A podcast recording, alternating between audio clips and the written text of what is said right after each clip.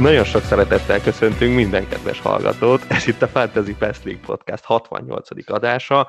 Először is itt van velem Levi, bár hát miért ne lenne. Sziasztok! És hát mióta elkezdődött szezon nem hívtunk egy vendéget se az adásba, hát ugye László Ági volt még az utolsó vendégünk még augusztus elején, pedig én ígértem még tavaly, hogy, hogy több vendéget fogunk hívni idén, de hát úgy tűnik ez, ez nem annyira üti ki a biztosítékot a Discord népénél, mint hogyha kések az utómunkákkal az adással kapcsolatban, na de mindegy is. Szóval hát elérkezett a pillanat, hogy bemutassa mai vendégünket. Elég annyit mondanom, hogy a legtöbb Discord hozzászólással rendelkező ember a világon, akinek mindenhez van egy gondolata, mondata, egy röpke, összetett mondat, amit el kell mondania, remek FPL játékos tele kételyekkel, hadd köszöntsem az adásban Balsors Ballár.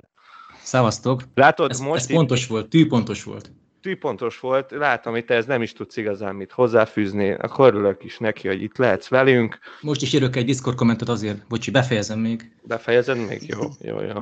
Én, én is nagyon-nagyon örülök, hogy eljöttél Balla, teleng baromira örülök, hogy végre tudunk beszélgetni egy kicsit. Szóval készültünk neked kérdésekkel, és elsőként egy, egy könnyebb bemelegítő kérdéssel indítjuk meg ezt az adást. Minek hatására kezdtél el FPL-ezni, hogyan ismerted meg a játékot, és nagyjából hogyan, hogyan kezdted el a pályafutásodat? Tehát maga a fantasy futball nekem már rég ismerős volt. Volt 6-7 éve egy játék, Fanaments, ez volt a neve, ez egy fizetős alapú fantasy játék volt. Nagyjából az volt a lényege, hogy ilyen pókerhez hasonló versenyrendszerben szitengók, nagy versenyek, headzapok, befizettünk, és igazából az aktuális forduló alapján volt BL, volt spanyol angol bajnokság, nyertünk egymástól kisebb összegeket, aztán az egész belebukott, az oldal megszűnt, és akkor volt egy haverom, aki engem imitált egy ilyen FPR-re, az igazira, az originálra, csak én nem láttam benne a lényeget. Tehát, hogy így, így játszok így ilyen FPL-t, nincs benne nyeremény. De mennyi Maga, nyertél előtte? Tehát azon sokat tudom, nyertél? Ami, ami voltak jobb, voltak jobb akasztások. Volt. Nem volt akkor munkám, meg semmi ilyesmi. Ott nyomorogtam egy ilyen kis lepukkant albéletben. És voltak, voltak jó nyeremények, aztán meg pff, beléltem magam is semmi. Tehát totál bukta az egész. Ilyen balsos lett az egésznek a vége. Ja, értem. És akkor az FPL nem, meg nem láttál semmit? Hogy mondtad? Nem láttam benne semmit. Szerintem az FPL-nek az a lényege, hogy, hogyha van egy közösség, akivel játszod, akivel kibeszéled, ha van egy, egy, egy médiafelület, ahol erről tudsz mással beszélni, ahol kapsz visszajelzéseket igazából, mennyire szar mondjuk ugyanebben a hajóban utazni mással együtt, akkor, akkor az jó tud lenni. Magadban nem láttam benne semmit. És akkor három-négy éve nagyjából néhány szurkolótárs szólt, hogy van az FPL, érdekel nem érdekel és mondtam, hogy legyen, próbáljuk ki. És hát kurvára beszívott már az első, az első fordulóban. Tehát azt hiszem volt egy hatalmas kémblank, és ki voltam bukva, ki voltunk falun barátnőméknél, ütöttem ott a cseresznyefát, tehát egy végem volt. Nem bírtam elhinni, nem bírtam elhinni, hogy hogy lehet ez, aztán meg nagyon beszívott. Tehát álmodtam játékosokkal, elfeküdtem délután aludni, álmodtam Aguero-val gólt rugott, felkelt, nem rugott gólt, visszafeküdtem morcosan, macska rám rumogott, mondtam, hogy hagyjám el, mérges vagyok, tehát itt végem volt, végem volt, és és hát a gyertyát igazából két végén égettem, és az első szezon végén vissza akartam vonulni, annyira, annyira kimerített. Akkor jött utolsó nap, második szezon előtt, egy deadline előtt egy újabb invitáció, mikor már visszavonultam végleg munkatársaktól, hogy gyere, játszunk. Mondtam, hogy nem, nem, nem, nem játszok ilyesmit. Nekem elég volt egy szezon.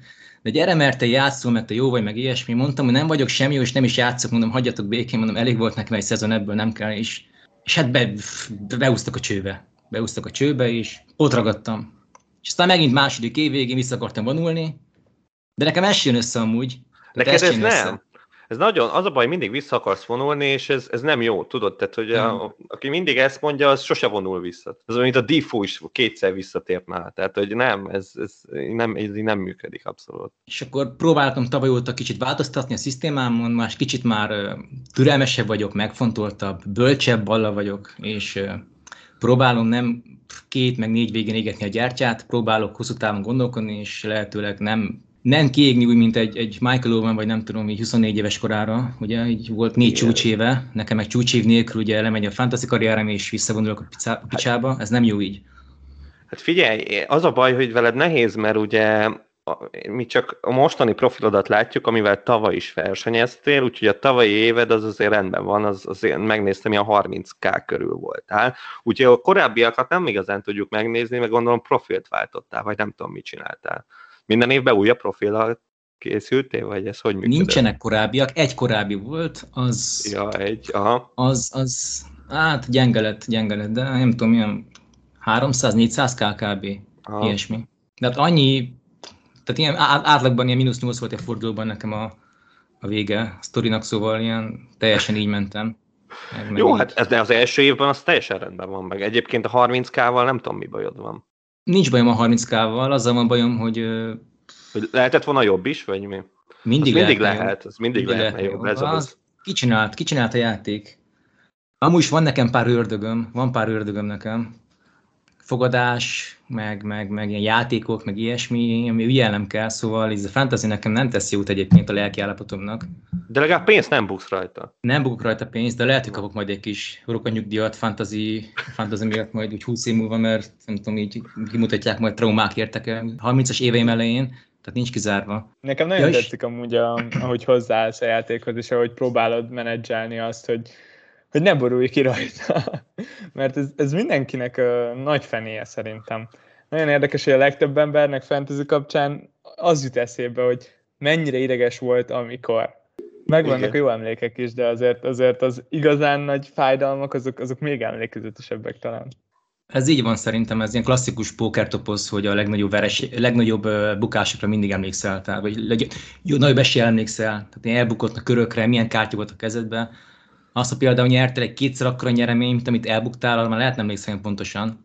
Nekem is vannak ilyen villanások a fejemben, amelyek egyébként jók voltak, mert tanultam belőlük, még én is tudok tanulni a hibáimból valamennyire, azt vettem észre. Nem gondoltam volna egyébként, hogy erre képes vagyok. Tehát ilyen szabályokat próbálok magam lefektetni például, hogy mit csináljak, mit ne csináljak, és valamennyire segít túlélni a más kárán nem tudom, például mi, amikor, amiket mi itt korábban elmondtunk podcastban, azért itt mert nagyon sok tanulság elhangzott, azt látjuk, hogy valaki nagyon követi, és egyébként nálad is azt mondanám, hogy azért nem esel bele olyan FPL-es hibákban, amik, amik ilyen nagyon-nagyon nagy hibák lennének, szóval azt gondolom, hogy azért egy megfontoltabb játékos vagy. Igen, kivéve a Traoré. Jó, hát az mindenki beleesik, érted? A Levi is beleesett, pedig, pedig ő aztán olyan szabályrendszer szerint működik, hogy, hogy ihaj. Ki, Miért kiborító. bele a te hibádba? Ő kiborító. Jogos. A Traoré olyan, mint amikor, nem tudom, hogy elmész bulizni egy havarokkal, asztalon táncol egy csaj, egy nagyon jó csaj, vagy lehet csávó, tök mindegy, és csak nézed be az meg, és levesz a lábára, érted? Így teljesen letaglóz. És haza akarsz menni vele, meg akarod ismerni őt jobban, de mindenki szól neked, hogy ne tedd ember, ne tedd a legnagyobb céda a városban. Egy ordas céda, érted? És te is tudod jól, de hát nem bírod ki, nem bírod ki, és hazamész vele. Úgy táncol, hogy nem bírod ki, érted? Ott lobog a, a fonott haja szélben, meg ott a nagy combjai ott, és felkezd reggel mellette, ránézel, és azt mondod, hogy az meg mit tettem? Tette? Hát igen, a baba is fontos egyébként. És tudom, a legrosszabb? Fél év múlva, egy év múlva, két év múlva megint visszamész a bárba, megint találkozol meg... vele, és megint hazaviszed. Igen. Ez a legrosszabb. és minden reggel csak magadat okolhatod. Így abszolút, van. abszolút. De, és, de Tomi vigasztal? Na. Na. Holnap után más sem megy haza. Ez vigasztal, igen. igen. Ugye legalább most jógorok vagyunk, ha jól tudom. Igaz, Levi? Igen. Traoré súgorok vagyunk. Én itt vagyok én is. Neked is ben van? Persze, hogy ne. Hát mind a három. Legrosszabb, hogy ugyanakkor vittük haza. Nagyszerű, Igen, jó, jó. jó. mind ugyanakkor, ja. Egy, ez egy buli volt. Na, hát így a, az első kérdés után a második az az lenne, hogy hogyan szerzel infókat, FPL-es fantasy infókat, mi alapján tájékozódsz így a, a hatalmasra duzzadt FPL világban? Hát ugye információs zajban élünk, engem ez nagyon megmérgez, folyamatosan mérgez, és hát, hogy szerep is utaltam rá, álmok, megálmodom gyakran. Tehát egyfolytában gyötörnek az álmok. Mindenféle álmodok egyébként. Igen. Hogyha nem segít, elmegyek egy jósnőhöz, vagy bármi ilyesmi. Mellette rendszeresen nézem, NDFPL-nek van egy ilyen egy youtuber, egy nagy Mhm. FPL guru a csatornáját, rendszeresen jelentkezik több tartalommal, így hétvégenként, fordulónként, meg hát ugye Ben Crowley-nek a Twitter csatornája, ez is alap. És mostanában rákaptam a Fantasy Football Hub nevű oldalra, ugye ez a Fantasy uh, Football Scout és a Fantasy Football Fix mellett egy ilyen nagy fantasy oldal, és, és itt böngészek gyakran dolgokat, főleg az opta részét szoktam böngészni. Az nagyon jó, igen. Ö, nagyon azt szeretem benne, hogy könnyen átlátható. Nagyon könnyen ö, ki lehet választani azokat a statisztikai paramétereket, amire kíváncsi vagyunk. Szépen lehet egymással összehasonlítani a játékosokat, szépen látszik a következő X fordulónak az erősorrendje, még csapatnak mennyire változik. Szóval ez így, ez így jó, ezt szeretem. De akkor, akkor nagyon adsz a statisztikákra? Mert azt látjuk, hogy írogatod kifele őket, de aztán mondjuk a döntéseidben nem biztos, hogy azok szerepelnek a legelső helyen. Hát ha mást álmodok, mint amit az opta ír, akkor elgondolkodok. Ember legyen a talpán, aki nem gondolkodna el ilyen helyzetben. Hát bocsáss meg. tény, teljesen jogos. Nem tudok ezzel vitatkozni. És a, az iTest, az, az mennyire működik nálad? iTest, Hát igen. Hát igen, igen, hogyha látsz egy játékost, aki jól néz ki, akkor utána megnézed a statisztikáit, vagy, vagy a, mit tudom, a statisztika után még meg is nézed, hogy hogy, hogy mozog valójában, vagy nem csak így termeli az XG-t, és igazából nem tud befejezni, szóval ilyesmire gondolok. Szerintem mindkettő nagyon fontos. Még az elején nem tettem hozzá azt, hogy én nagy futballmenedzser rajongó vagyok, már 14 éves korom óta. Azt se játszhatom, mert függő vagyok. Jó, az mondjuk az kemény, az, az, az durva órákat viszel az ember életéből. Ö, imádom a, a kombinatorikát, statisztikát, valószínűságszámítást, mindig imádtam. Tehát ez a része ez nekem így nagyon megvan, így alap, alapoktól fogva. Tehát roppantól fontos szerintem a statisztikai háttértan. Ö, és az iTest is fontos, mert a kettő egymást kiegészíti. Van ugyanis, amit nem látsz például egy élő meccsen, és látsz a statisztikákban. Van viszont, amit nem látsz statisztikákban, és az élő meccsen látod. Például élő Igen. meccsen, ha valaki látta a Liverpool Leeds meccset, akkor más gondol Máné produkciójáról, mint ha például megnéz Zop- Zopta statisztikáit. Na igen, igen. Tehát Máné, Máné egy master volt abban a fordulóban, talán 10 lövés, 5 nagy, hely, 4 nagy helyzet, meg is nézem most pontosan, 3 nagy helyzet, 8 kaput eltálló lövés, 1,37-es XG, tehát mindenből legmagasabb volt. Egész egyszerűen lehengerlő volt. És mikor valaki ezt látja, akkor azt mondja, hogy basszus, ez egy kuró játékos. És amikor nézed a meccset, és látod, hogy ennek a csávónak négy zicser kell egy gólhoz, akkor elgondolkozol azon, hogy vajon akarod őt magadnak hosszú távon, mert nem lesz mindig négy zicsere. Másik viszont valamit nem látsz igazából a meccseken, és ott van az adathalmazban. Fordítva nem látsz az adathalmazban, és ott van a meccseken.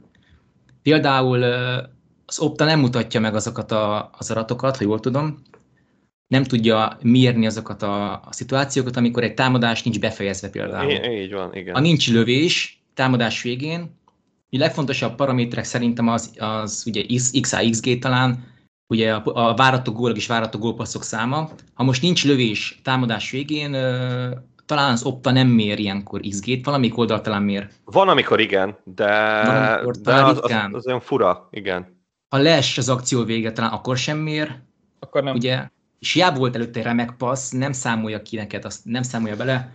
És a fantasy gólpasszok igazából, lepatton lövéskör például, vagy a piarcok 11-es, azt megint nem úgy méri talán. Tehát szerintem mindkettő fontos. Én szoktam nézni a meccseket egyébként felvételről, mindent megnézek, én 10 perces felvételeket, és mellette böngészem az optaratokat is, és kettőt egybevette próbálok olyan remek összefüggésekre jutni, olyan remek döntéseket meghozni, például Traoré szemre is nagyon jó, és az Opta szerint is kiváló játékos, és akkor nem tudok dévenni, érted? Igen, szerintem még vissza fogunk térni Traoré-ra nem olyan sokkal. Nem ez is sem, ő nem ez is sem. Igen. Meg a, meg a Bendegúz, meg a statisztikáknak- Bendegúz. statisztikáknak a nagy hiányossága szerintem az még a játékosoknak a formája, amit egyszerűen abszolút nem lehet kimutatni, illetve túlteljesítésnek mutatkozik meg a statisztikákban. Például amikor Jesse Lingard minden második 16-oson kívüli lövése gól lesz, akkor a statisztikák alapján azt mondod, hogy ez tarthatatlan, és ez nem fog megtörténni még egyszer. Meg látod, hogy a, a csávó konkrétan repül, és, és megállíthatatlan, és egy olyan világban létezik, ahol, ahol nincs senki más, csak ő, akkor meg tudod, hogy ez, ez, ez azért megismétlődhet, és lehet, hogy legközelebb is belövi azt a, azt a helyzetet, amit amúgy nem kéne neki. Én még kettő kérdést írtam ki neked. Az egyik az nagyon egyszerű. Hogyan néz ki egy FPL-es heted deadline-tól deadline-ig, olyankor, amikor mondjuk nincsen hétközi FPL forduló, nagyjából mivel kezdődik és mivel zárul a heted? Olyan, mint egy, mint egy ilyen fapados valóságshow. Tehát így van benne minden. Szex, káromkodás, dráma, rángatózás, alkohol, minden, minden megvan. Magasságok, mélységek, abszolút minden megvan benne. Egyébként idén már úgy néz ki, hogy pénteken, mondjuk szombaton, deadline előtt, deadline előtt összerakom a csapatomat, és próbálok nem ránézni forduló végéig. Persze néha beleszaladok, vagy ha tudom, hogy lesz árnövekedés, akkor ránézek. Tehát próbálom nem követni élőben az eredményeket, mert az megüt. Az meg, az nem is szabad egyébként. Tehát ö, mellette filmezek, biliárdozok, sörözök, dolgozok, és fél szemmel figyelem az eredményeket. Kurva kalon vissza rúgja már gólt, vagy bármi ilyesmi. És a legrosszabb, egy clean sheet elmegy például, egy dupla védelemmel, az, az, az ott meglök. És, és ezeket kizárandó nem nézek eredményeket, csak Liverpool meccset nézek nagyjából, és uh, forduló végén ránézek a tabellára, pontszámaimra, adatokat elemzek olyan kb. három órán keresztül, megnézem azt, hogy uh, milyen árnövekedési számíthatok aznap este, ezt a fantasy futball fixen nézem általában. És aztán behozott Ben Rámát, és kész. Én és behozom Ben Rámát, akit eladtam előző fordulókban, igen. Igen. Szerintem ez így rendben is van egyébként. De abból tanultál, hogy nem szabad túl korán cserélni? Vagy, vagy ezt még mindig okésnak gondolod, hogy ha úgy hozza a sors, hogy éppen akit ki akarsz venni, az, az lefele megy, akit be akarsz hozni, az fölfele, és akkor ha vasárnap este van, akkor vasárnap este ezt meg kell húzni. Attól függ szerintem, ez megint ilyen nincs egyértelmű helyzet szerintem. Tehát ha például a játékos, akit be akarunk hozni, nagyon-nagyon-nagyon-nagyon-nagyon-nagyon megindul a, megindul a vina körülötte, tehát rengeteg ember akar behozni, és az, akit eladnánk mondjuk egy nagyon-nagyon lefokozott, fabadossá vált játékos, lesérült, eltiltott, egyszerűen szarú játszik, és mondjuk van két ilyen játékosunk, és két jött, akit behoznánk, tehát két népszerű játékos és két szar játékos, akit eladnánk, és ha mondjuk két cserénk, és ez akár két nap, három napon belül akár egy 0,5-ös 0,5 milliót is jelenthetne pluszban nekünk, szerintem megéri, megérheti akár kora, korán elvégezni egy ilyen dupla cserét, vagy egy cserét. Van, amikor nem éri meg. Tehát egy válogatott szünet előtt, amikor két hetet kell várni, akkor nem éri meg nyilván. Amikor mondjuk nincs meg a rizikó annak, hogy egy játékos sokat emelkedik, max fog emelkedni 0,1-et, a miénk nem fog csökkenni, vagy max csökken 0,1-et, érdemes lehet várni, attól függ. Ha bízunk a játékosban, hosszú távon jó lesz, és nem fogjuk cserélgetni őt három naponta, vagy három fordulónként, akkor szerintem be lehet hozni akár hamar, vasárnap, hétfőn egy ilyen játékost, hogy nyerni vele pénzt. Ha nem bízunk benne annyira, vagy, vagy így teljesen ilyen, ilyen önfejű módon, tehát így a, az aktuális hangulatápoknak megfelelően, így, így, így ez, a, ez, a, ez a fear of missing out, ez a félek, hogy nem maradok róla, és most be kell vásároljak belőle, tehát, hogyha tudatosan tudunk új döntést hozni vasárnap este, hogy ez, ez konzekvens és hosszú távon is kitartunk mellette, akkor az egy lehet egy jó, jó, jó döntés. De ha látjuk azt, hogy most mindenki bevásárolt, és nekünk is kell, az, az úgy nem annyira jó szerintem. És nyilván megvan az esély annak, hogy lesérül. Lesérül, elkapják uh, kurvázni, vagy szexpartinra megy, COVID, vagy COVID, COVID bármi ilyesmi, ez benne van is. Évvégén kevésbé éri meg szerintem. Évvégén már nem annyira kell arcolni a pénzzel, ott már azért nagyjából lehet látni, mi hogy van. Ott érdemes talán utolsó napokig várni. Év elején lehet sokat nyerni ezzel játékoson. Főleg, hogyha alacsony IO-val indul, és aztán meg így elkezdnek belőle bevásárolni. Egy Benrama példában már 6,5 talán? Igen, 6,5. Antonio 8, 7,9. Igen. Szóval a hétközi meccsek azok, amik, amikről talán nem szoktunk annyit beszélni, de szerintem nagyon ott kell legyenek a gondolkodásunkban a korai cseréknél hogyha még előtte van egy meccs a játékos, mert hogyha a játékos előtt van egy meccs, akkor, akkor ott lebeg az, hogy esetleg lesérül, ami, ami nagyban keresztül tudja húzni a számításainkat. Erre kell még szerintem odafigyelni azon kívül, amit elmondtál.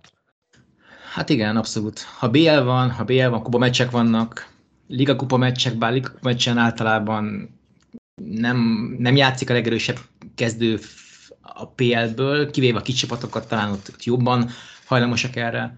De a BL van például abszolút. Tehát ha, így, hogy BL van, ugye most a héten, múlt héten volt BL, múlt héten nem cseréltem így hamar, Ha nem lett volna Bél, akkor cserélte volna talán hamarabb. Tehát ez is belejátszik igazából. Mi alapján szoktad kiválasztani a kapitányodat? Ez lenne így a záró kérdésünk, ami szerintem egy nagyon fontos része a játéknak. Baromi sok múlik azon, hogy kinek tudjuk megduplázni a pontjait, mert ott egy döntésen belül is tudunk akár 10-15 pontot szerezni. De, de borzasztóan nehéz, és talán gyakran elhanyagolt része a fantasynek a kapitányválasztás. A tavalyi évem egyik legemlékezetesebb fordulója az volt, amikor a United fogadta a Leeds-et, 6-2-es meccs. És én előtte behoztam a Rashfordot. Ugye a, a, a akkor már nagyon ment, de lehetett látni, hogy a védelmük nem a célos, United pedig kezdett beindulni elől. És behoztam a Rashfordot, és meg volt a Bruno is egyébként, és én megvettem, megvettem a Rashfordot igazából kapitánynak. Akkor volt az, hogy bejött a Salah padról, és dugott három gólt a palace jól tudom. Igen. Első Igen, meccs volt talán. volt. Igen. És a, a United volt a legutolsó meccs. És beraktam a Rashfordot, ilyen ultra differenciál volt, tehát ilyen, szerintem, nem tudom, 0,45 körül lett a kapitány, Bruno volt ilyen 30 körül, Salah ilyen 30 körül, lekutyagolt a pályára Rashford két ponttal a 62. percben, Bruno már 16 pontnál volt, és én azt hittem, hogy megőrülök. De tényleg a, a, annyira mélyen nem voltam még soha életemben fantaziban. Tehát két napig ki voltam ütve. Ki voltam ütve szabályosan, mérgelődtem, káromkodtam, ütöttem a falat. Végem volt. És akkor ott megfogadtam, hogy nem fogok tenni alacsony IEU játékosra a kapitány szkarszalagot. Egyrészt a mentális egészsége megőrzése véget, Másrészt túl nagy rizikóvállalás szerintem, mert ha nem jön be, akkor nem lehet szakadni. Nyilván attól függ, mi a célunk. Minél több előrelépni, vagy inkább valamennyire stabilan tartani a helyünket és apró lépésekben haladni. De próbálok lehetőleg két-három játék közé választani. Tehát prémiumból igazából csak prémium, és nem teszek védőkre, az megint stressz. Tehát nézd, nézd egy meccset, ahol egy Trenten van egy kapitány karszalag, és 94 percben kell egy Alisson bravúra ahhoz, hogy meglegyen a plusz 8 ponttal több, az nem, nem kell nekem. Tehát így is van elég baj, baj az életemben, nem kellene ilyen dolgok. Szala alapvetően idén Szala, Ronaldo és Lukaku is, és kész szerintem, ez nekem ez így tiszta, mint a víz. Nem fogom variálni ezt. Érdekes, én most nemrég fogalmazódott meg bennem ez, hogy nyilván nekem, nekem is nagyon kell figyelni a kapitányválasztásra, de hogy, hogy nagyjából így december, januárig én is abszolút ezen a vonalon akarok menni, hogy hogy a trendi, meg, meg nem túl szétcsúszós pikeket választani kapitánynak, de utána már szerintem nyilván attól függ, hogy milyen a helyezés is, de, de ott már szerintem jobban meg lehet próbálni ilyen dolgokat. Kire gondolsz például így? Hát figyelj, hát én... Sterlingre?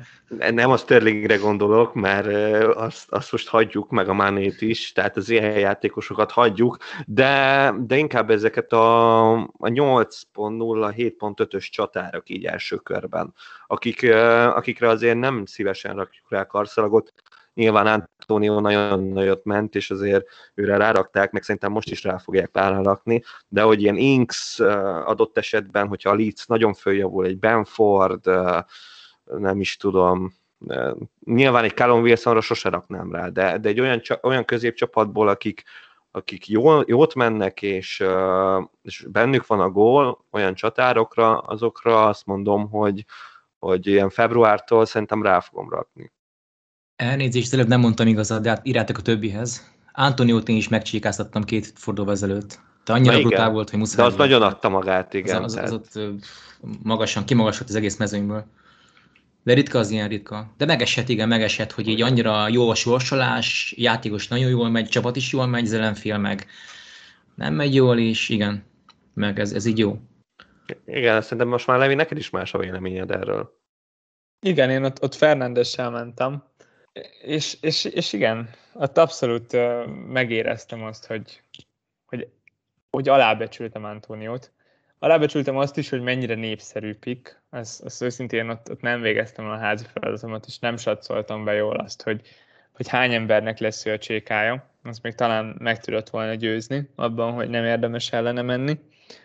Meg, meg talán azt is alábecsültem, hogy mennyit számít a hazai pálya idén. Most megint teltházas meccseket láthatunk, és, és én elképesztően nagy súlyjal veszem bele a csapatkapitány választásomba azt, hogyha az egyik opció otthon játszik, és az egyik idegenben. Ez, ez főleg mostanra ért meg így bennem, mert mert egyszer választottam Bruno Fernandes Antonio ellen, úgyhogy Bruno idegenben játszott, utána meg arra is rápáztam, amikor Szalát választottam idegenben a Leeds ellen, miközben Ronaldo otthon játszott a Newcastle-lel. Szóval így ez a kettő dolog még így járnyalta különösen ezt a, az Antonios kérdést nálam.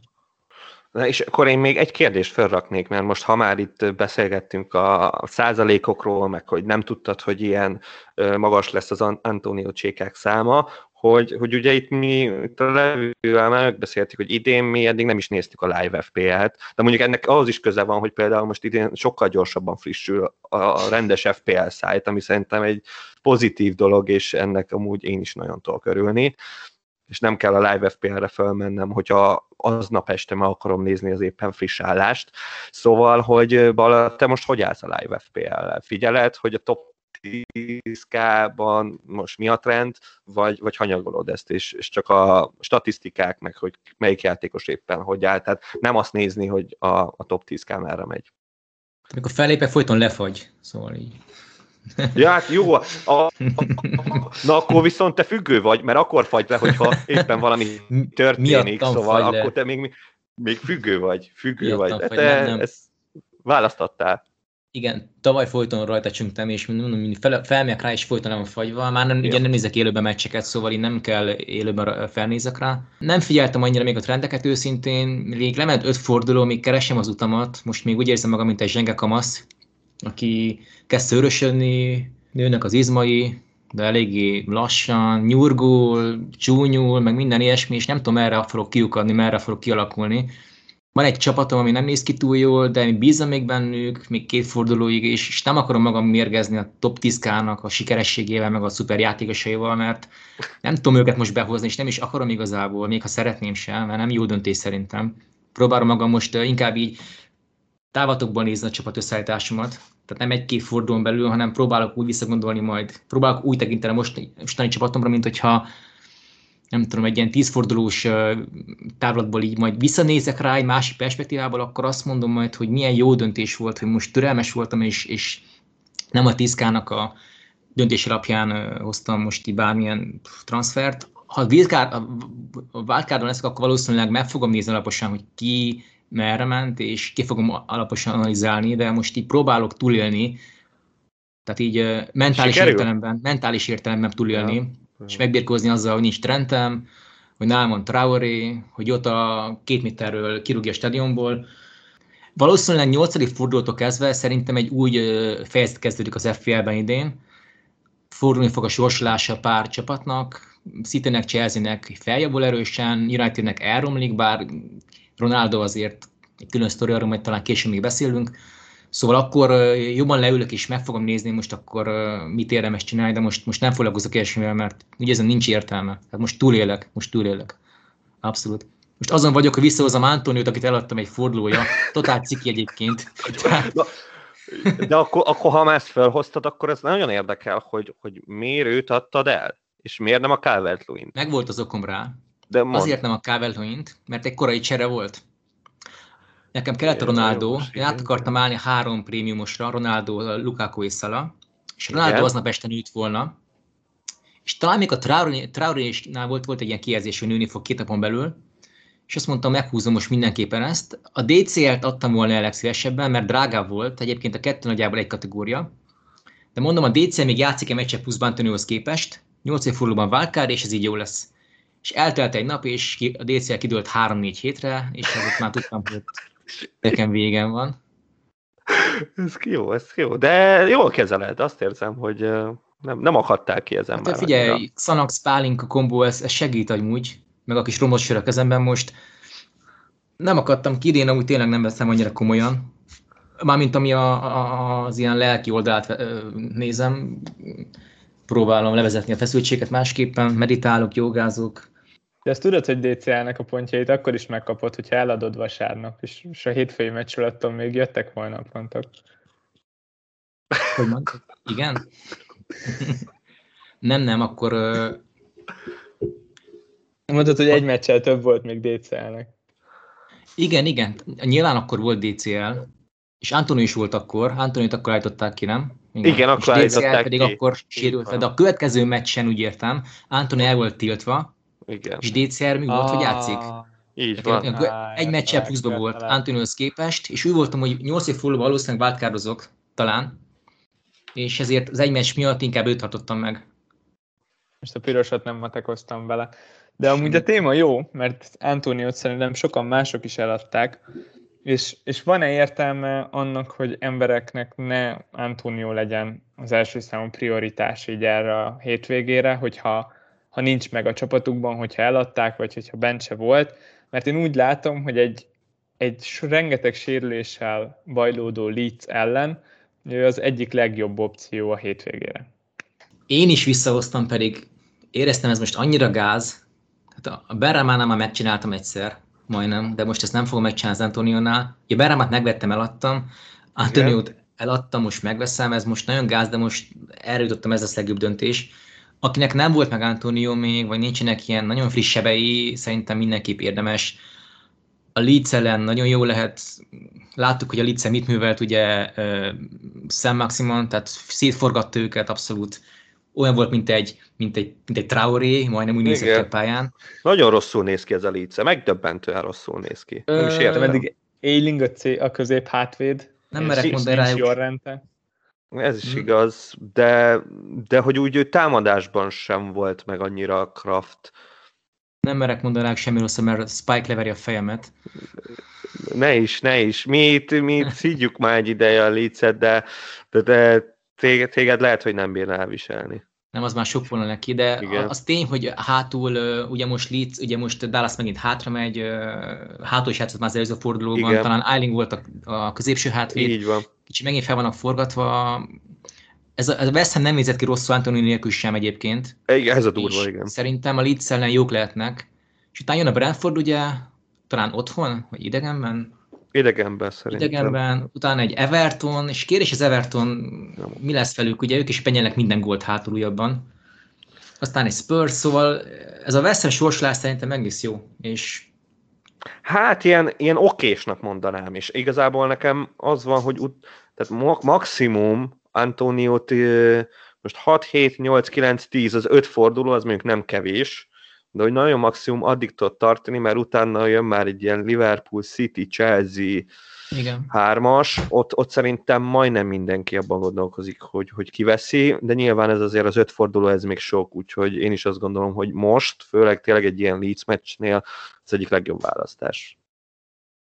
Mondjuk a Brentford az egy csalók a hetedik fordulóban. Persze, a Brent- az nagyon. A Brentfordot tudni kell, hogy a várató, tehát a, a, a, a bekapott várató gól, gólok számában ők nagyon jók. Tehát a, nekik a legjobb védelmük a, jelenleg a City után elvileg. Tehát ha azt nézzük, hogy hány gólt kellett volna kapjanak, stabilak hátul, jól védekeznek, szervezettek, és egy ilyen Azt is- busszal, Tegyük hozzá, hogy a sorsolásuk is nagyon jó volt. Tehát azért az egy, nem egy mellékes dolog, de az biztos, hogy, hogy nem rosszak hátul. Jó, de aki képes egy Traoré ellen kibírni kapott gól nélkül, az Ja, jogos, igazából meg meggyőztél. egy Jimenez ellen Meg egy, képes. Igen, egy, egy fejvédő Simenez ellen, tehát tök okés, Rabona igen. ellen. Rabon. Jó, az nagyon csúnya volt. Ott, ott minden benne volt. Tehát az, az, a, az a Jimenez idei eh, produkciójának a quintessenciája volt basszus. Ott, ott éreztem, ahogy néztem azt a meccset, és fájt az egész, amit látok, és ott, ott, ott az ott nagyon csúnya volt. Tényleg beleságott a szívem. A pozitív oldalát kell nézni, mert megpróbálta. És, és szerintem amúgy ez jó. Ez jó, hogy még ott van benne az a, az a kis él, a kis csibészség, hogy, hogy azért az alapvonalnál sprintben még megpróbál keresztlábbal beívelni a labdát a csapattársának.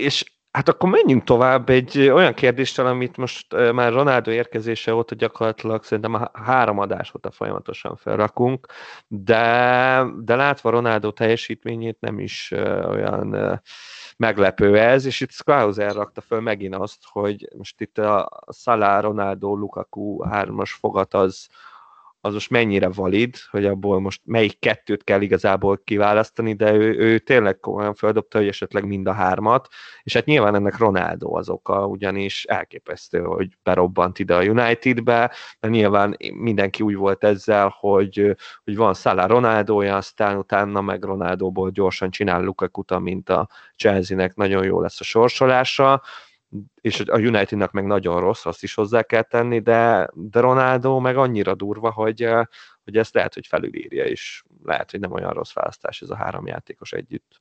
Ö, igen, itt van két út igazából. Nem minném, hogy bármi, a kettő közül bármik ilyen ópi lenne, tehát ilyen egyértelműen jobb volna a másiknál. Én hajlok a három pick felé egyébként jelenleg. Azt azért leszögezni, tehát hogy azért tudni kell a két játékosról, hogy mindkettő kulcsfontosságú idén, ezek ilyen nagyon tényszerű dolgok. Ronaldo is 90 perces játékos lesz. Nem lesznek rotálni, úgy érzem. Ronaldo végig fogja nyomni, ameddig csak lehet. Viszont a különbség közöttük az, hogy Lukaku jobb csapatjátékos szerintem. sokszor lép vissza labdáért, harcol értük. De ez FPL szempontjából mindegy.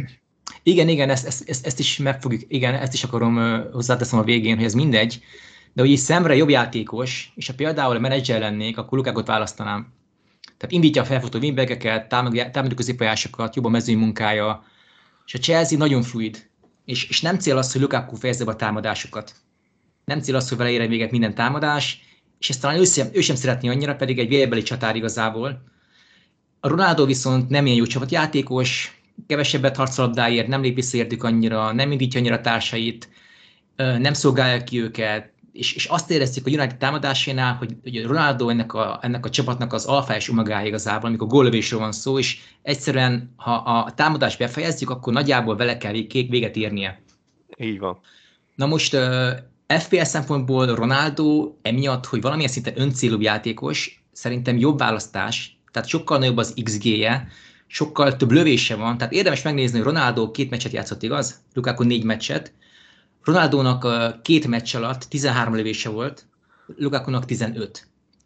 Ronaldo két meccs alatt többször találtal kapott, mint Lukaku, 7 a 6 ellen, több zicsere volt Lukaku-nak, 5 a 3 ellen, igaz, kettő ugyanaz a helyzet volt a Veszem ellen, több XG-je volt Ronaldónak, 276-215, tehát a várató gólokban Ronaldo jobb volt két meccs, mint Lukaku, viszont előkészítés, mint Lukaku sokkal jobb. Tehát nagyjából háromszor annyi várató gólpaszt jegyzett Lukaku, mint Ronaldo. Tehát ez, le, ez lesz nagyjából várató kettőjük között a különbség. Ronaldo sokkal több gólt fog rúgni szerintem, vagy érezhetően több gólt fog rúgni, de gólpasszokban el fog maradni. Tekintve, hogy a Chelsea sorsolása jobb, és a Chelsea egy jobb csapat, ez ellensúlyozza azt, hogy Lukaku talán kevésbé jó FPL pick, mint Ronaldo.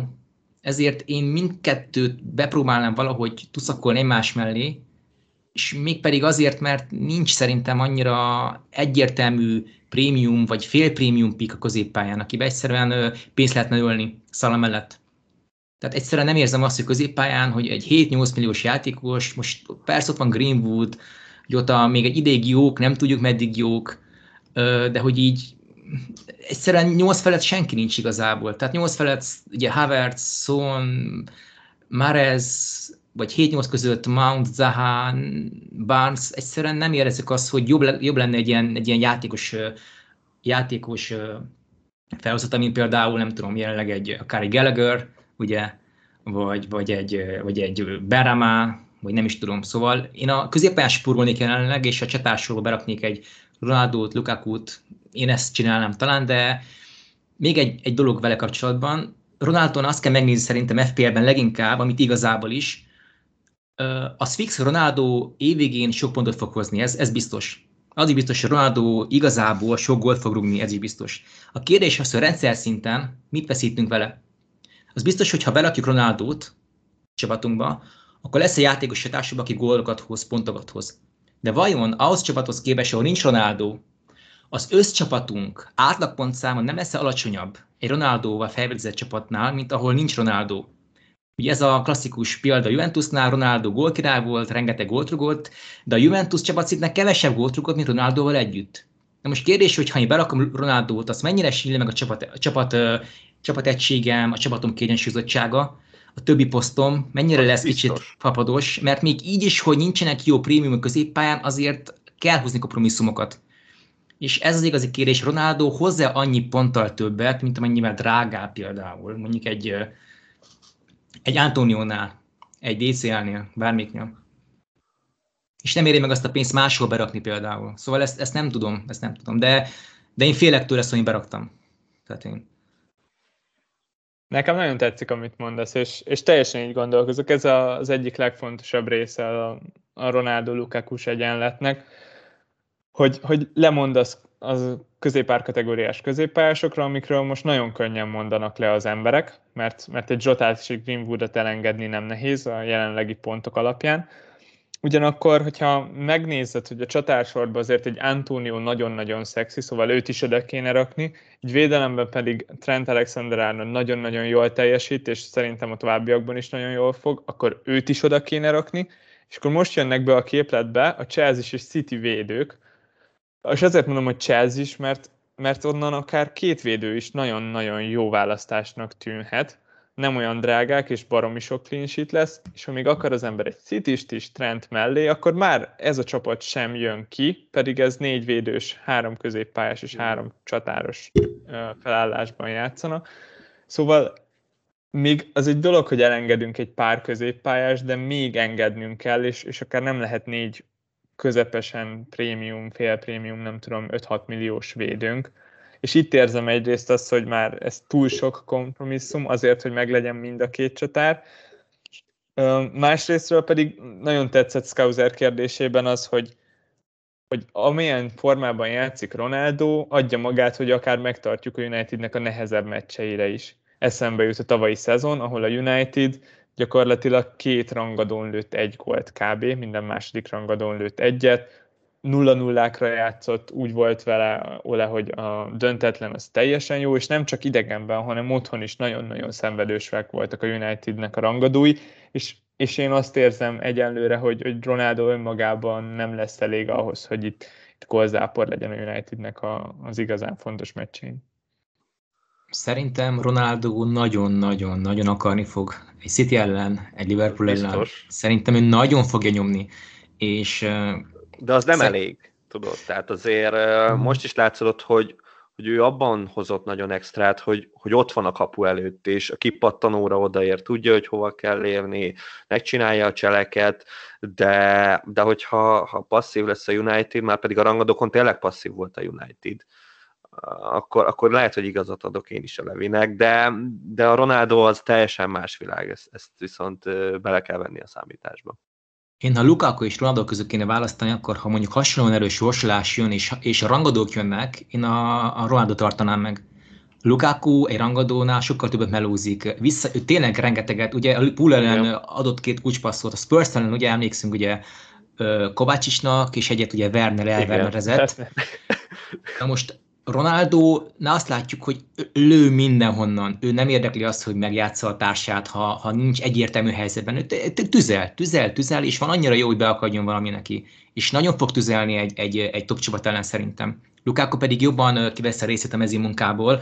Ugye a Chelsea annyira fluid, hogy Lukaku simán visszajön például egy, egy, egy ilyen upgrade-elt Antonio igazából. Antonio is rengeteget még visszabirkózni a középpálya elejére, mint Szalai, csak ők tudnak kicsit szaladni is Szóval én akkor gondolkodnék el igazából Ronaldo vagy Lukaku elengedésén, ha látnék egy olyan középpályást, egy olyan 7-8 vagy akár 9 milliós árkategóriában, aki stabilan kezdő, jó formában van, jó játszik, és, és hoz relatív annyi pontot, hogy megérje Ronaldo-t lefokozza mondjuk egy, egy másik top csatárra, Abumayangra például, vicceltem, egy, egy calvert például, és akkor a kettő játékos együtt több pontot fog nekem hozni, mint Ronaldo, és mondjuk most egy Gallagher, most ez egy példa volt, de egyszerűen nincs még jelenleg ilyen, és amíg nincsen játékos, nekem ez egy tiszta helyzet, ilyen nekem már ben van.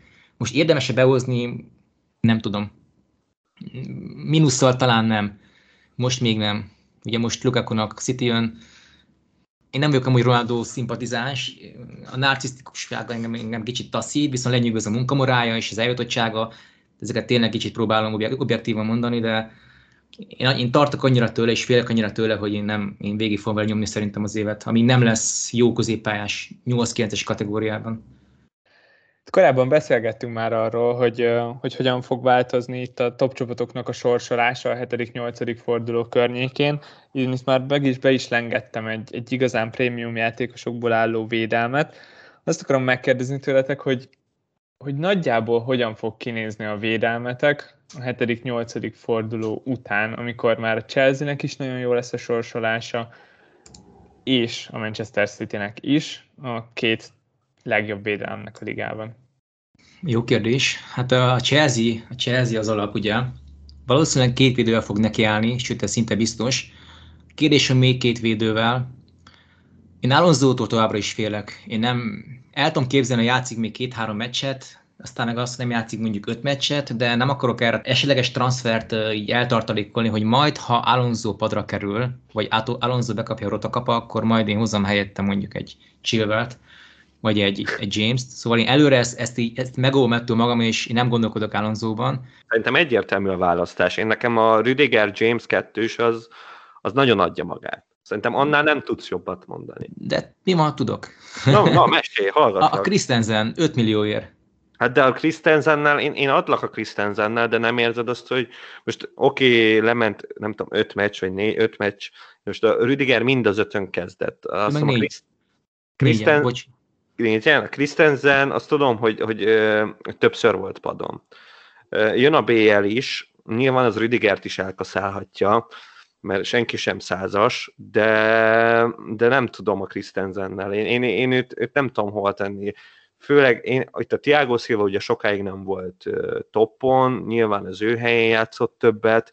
Én, én nem vagyok chelsea de, de nálam ez a James, Aspiricueta, Silva, Rüdiger, Chilwell per Marcos alonso ugye nem dölt el. Nekem ez az alap, és akkor ebből lehet utána kavargatni. Abszolút igen, hát Rüdiger stabilabb pont, csak hát fél drágább. Ez igaz.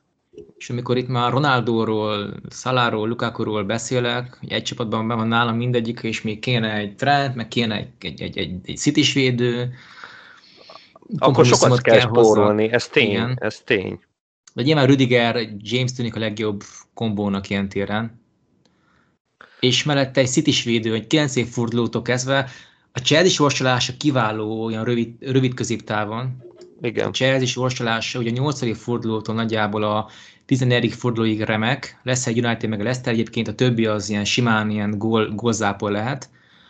A City sorsolása viszont ilyen 20, 20. fordulóig, tehát 12. fordulótól lesz igazán jó, nem lesz topatos csapat igazából egészen 20. fordulóig, és uh, nem annyira sürgős egy Chelsea védő szerint, egy, egy City védő, mint egy Chelsea védő, de igen, egy wildcard azért próbálok már a tizedik, tizedik forduló után is számítani, gondolni is. Egy Rudiger, James, és a Cancelo vagy Diaz, ez jó kérdés. Idén Cancelo stabil. Ugye stabil, Mendy, igen. Mendy, hát Mendy nincs itt, nincs köztünk. igen, igen. Ő bulizik valahol, mondjuk a partizokat. De, de Zincsenko ott van? Igen, ott van, de eddig nem volt sok szerepe. Nem, tényleg nem. Tényleg nem. De és akkor... Cancelo, Cancelo mindkét oldalon tud játszani. És igen, ez, ez nagy előnye. Ez nagy előny. A city a premium védői igazából, a, a, a, az alapvédői, Cancelo és Diaz nagyjából róluk beszélünk szerintem. Igen. Vagy Walker 5,5, de nem tudom, én nekem ő nem tetszik annyira. Pedig igazából ő is kezd. Szerintem nagyon hasonlít Rüdigerre, abból a szempontból, Igen, hogy hiába szányvédő, de nem fog hozni támadó pontokat. Uh-huh. És, és én nagyon biztosnak érzem a helyét a Cityben. Szerintem van annyira biztos, mint Diásnak. Legalábbis egy jó City védelem az mindig Volkárral szokott kezdeni persze, a jobb hátvédben. De közben meg azt is el tudjuk képzelni, hogy, hogy Cancelo lesz a jobb hátvéd, és Zincsenko meg a bal hátvéd, de, de ez egy meccsre maximum, ez is igaz. Cancelo és Diaz között például nagy különbség van olyan téren, hogy Diaznak, ha jól látom, eddig öt meccs alatt egy lövése volt a kapu, a, egy, egy lövése volt igazából. Na most Dafinak 5-10 volt. Jó, hát az Cancelo-nak 9 volt, tehát Diaz nem annyira, és van egy gólpassza, de nem tudom, Fandijknak 10. Nyilván a Diaz támadó pontokban nem lesz sose jó, de ő hát viszont tényleg stabil, mint a szikla. Nem csak támadó pontokról beszélek, arról, hogy öt meccs alatt egyetlen egy lőése, feje se volt igazából. Tehát Fandijknak 10 volt. Világos, aha. Duffinak 10, ugye a, a, a backek általában felnek, ugye, vagy lepattanót rárugják, a szélső pedig egy ilyen, egy wingback pedig kapura, és egy show, vagy egy Alonso pedig rárugja, az, vagy, vagy lövéseknél ők rárugják ugye direktbe egy támadás, egy felépített támadás végén, de hogy Diaz semmi egyelőre, Cancelo aktívnak tűnik. Diaz egyelőre nem tűnik túl jónak nekem, egy Cancelohoz képest, ahhoz képest, hogy milyen drága, akkor én inkább egy Fandekre mennék rá talán, van Dijk nagyon stabilnak tűnik idén, kulcspasszok terén is egész jó, Szóval a Virgil nagyon jó, igazából csak a sorslás gyengébb. Én a Diaz stabil, de nem tudom. Akkor inkább a Duffy, nem? Nyilván a Duffy az, az csúcs, tehát a wildcardon lesztek, ez egy alappik. Én azt érzem amúgy, hogy aki, akinek cserékből kell behozni itt a játékosokat, nekik különösen fontos az, hogy megnézzék, hogy ki az, aki biztosan játszik. Szóval az, aki nem wildcardon van, annál egy Alonso, egy Christensen szerintem nem igazán lehet pick. Hogyha valaki tiszta cseréből kell behozza a játékost, akkor eszméletlen fontos, hogy ne kelljen oda még egyszer védőre cserélnie. Szóval, ha Chelsea, akkor én, én Rüdigert hoznám be elsőnek, és hogyha már van egy chelsea akkor lehet, hogy azért preferálnám esetleg Diást, mert, mert jelenleg talán stabilabbnak érzem, mint, mint James-t a Chelsea-ben, vagy Alonso-t a Chelsea-ben, vagy esetleg Christensen-t. Szóval itt, itt egy, ezt még én mindenképpen belevonnám a matekba, hogy, hogy mennyire várom azt, hogy játszik az adott játékos, és ezekkel az picit neccesebb pikkekkel sokkal könnyebben lehet próbálkozni wildcardon, amikor az egész csapatodat felforgatod. Tehát igen, Diász az biztos, hogy egész évvégéig játszani fog. Tehát ő 38 meccsből szerintem 35-36 meg lesz neki. Cancelo lehet, hogy nem tudom, elfelejt majd egy, egy, egy, egy késik percet az edzésről, vagy nem passzol megfelelő időben, Igen. és akkor Pep előveszi neki ezt a csúnya arcát, mint Mareznek, ugye BL, BL-ben a, a Lipcse ellen, igen, és így, így igen. ordítani fog vele, és aztán így nem játszik tíz meccsig például, tehát simán megtörténhet. A Diásza nem fog ez megtörténni. És ami fontos igen, szerintem... És, és wildcardon egy... mégis, mégis Cancelót hoznám, azért, mert tudom, hogy akkor olyan padom van, hogy bármikor beugrik egy Livramento, vagy egy Duffy, vagy a középpályámon is biztosan játszó játékosok lesznek, akik tudják pótolni arra az egy meccsre, és, és nyilván azt várjuk a James-től, a Cancelo-tól, hogy ő, ő húzamosabb ideig játszik, és max néha marad ki. Igen, igen, abszolút, de ugye nekem már a padom az, az full stabil, az erősebb, mint a kezdő 11 de hogy, hogy én nálam már, meg amúgy is, amit most főleg itt a Bala mondott, hogy hogy a Cancelóval többet nyersz mindenképpen. Tehát, hogy ő benne tényleg benne vannak a, a támadó returnök, míg a Diázsban nagyon nem, és, és érted, hogyha a clean sheet mondjuk assist, akkor már gyakorlatilag hozta a Diásnak a két meccses pontját. Szóval akkor még belefér az is, hogy a következő meccsen nem játszik, és akkor neked meg bejön valaki a padról, szóval jobban jöttél ki a buliból. Úgyhogy emiatt azért a Cancelo az, az, az tényleg jóval jobb, mint a Diás. Szerintem, ha valaki cserél wildcard nélkül, akkor uh, talán Diázt hoznám, ha, ha van egy jó padom, Livramento vagy Duffy például, és nem ilyen, ilyen tényleg ilyen turkálós cuccok, akkor egy uh, Cancelo jó jöhet, de ha nincs egy jó padunk, akkor inkább egy Diaz érdemes, mert, mert bármikor Cancelo padra kerülhet, és James is bármikor padra kerülhet, és igen, akkor ott vagyunk igen. három védővel, akiből mondjuk egy nem játszik valószínűleg, vagy, vagy, vagy nagyon rossz, egy Williams például, aki még játszik, mondjuk csak rossz. Szóval egy wildcarddal be lehet hozni cancelo egy, egy Rüdigerre például, két, két játszó olcsó védővel, és akkor, ahogy te mondtad, hosszú távon talán jobban jövünk ki. Ha nem is játszik egy meccsen, bejön helyette másik védő, talán nem jön ki rosszabb hosszú távon, de ha nincs egy jó padunk a védelemben, akkor talán jobb a diász, ameddig nem váltkározunk, vagy nem tudom, lehet, hogy ez így biztosabb. De én még a Jamesre visszamennék. Most Levi, elvesztetted a hitedet benne? Nem, nem. James-szel inkább azt, azt mondanám, hogy, hogy amikor Christensen Rüdigerhez hasonlítod, az szerintem nem a legjobb példa, mert, mert Rüdiger nálam kiemelkedik a Chelsea védelemből, hogyha azt nézem, hogy kitől várom a legtöbb percet.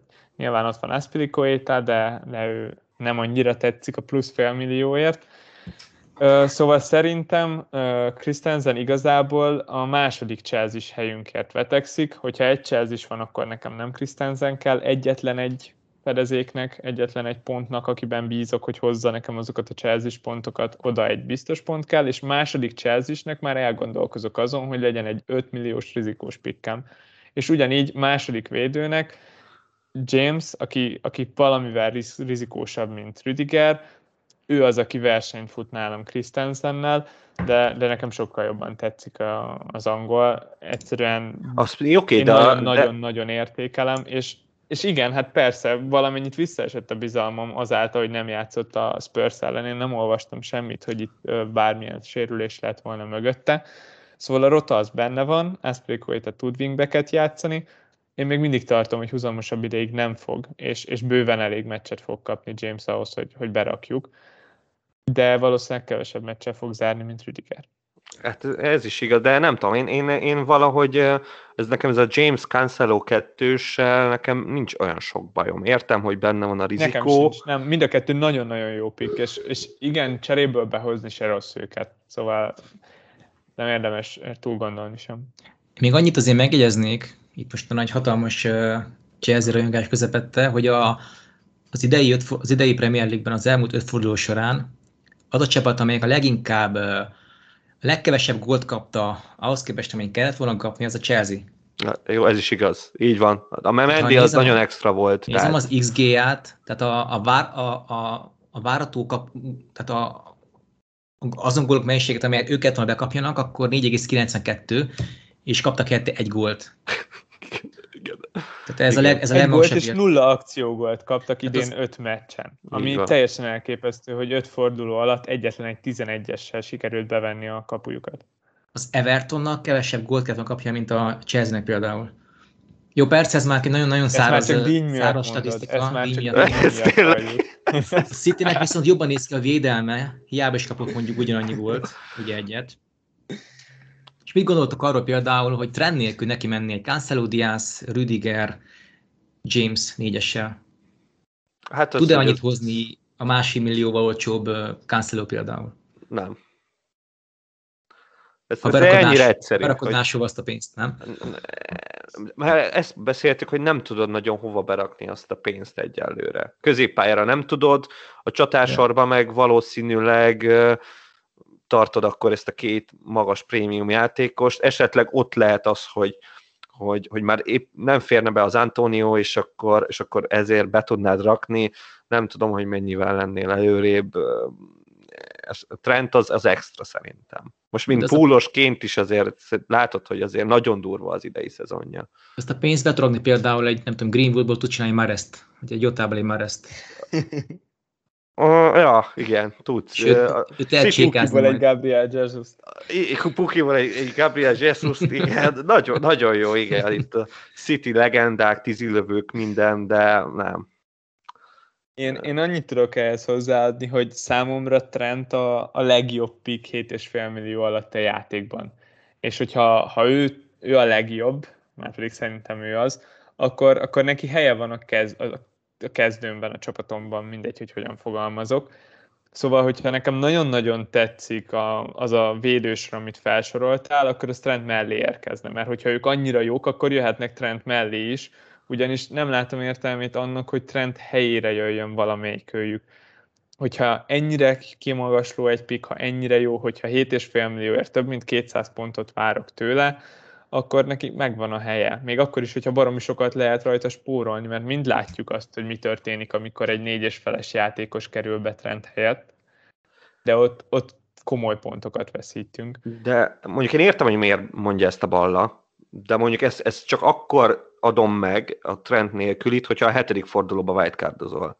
Már a hetedik fordulóba wildcardozol, akkor félig meddig egy, egy darabig szerintem tudott tartani, és akkor tudsz úgy matekozni, hogy mondjuk csak öt forduló múlva hozott be a trendet, és akkor azt a másfél misit megspórolod, és berakod valakihez, akit meg utána majd kiveszel. De, de hosszú távon nyilván én is így vagyok vele, hogy, hogy azért én nem, nem offolnám. Mert most például jön majd egy City, meg egy United, azok ellen simán lehet, hogy, hogy többet hoz majd a, a City védő, vagy a Chelsea védő. És mi gondoltok, Duffy vagy Livramento ötödik védőnek? Ha kettő közül kell választani, akkor Livramento. Egyértelmű. Nálam is nagyon erősen, mert, mert Livramento szerintem a 38. fordulóban is kezdeni fog. Így van.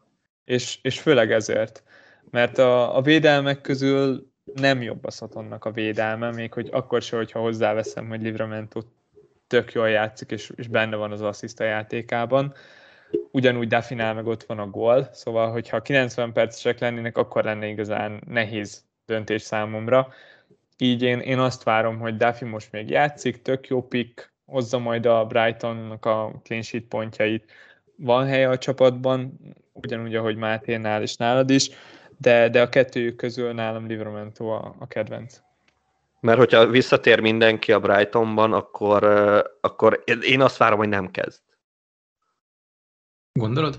Ennyire egyszerű. Hát a Webster, Weltman, meg, meg a Dunk, ő nekik kezdeniük kell, Pascal Gross ma szerelmes lett, mint, mint uh, wingback, és akkor még a Dan Burnről nem is beszéltünk, szóval uh, nehézkes. Tehát, hogy a Weltman egyre jobban úgy néz ki, hogy őt nem, nem jobb oldali szányvédőként képzeli el Potter, és emiatt ez, ez sajnos, sajnos ott túl sokan vannak. A Duffy legjobb védőjük idén.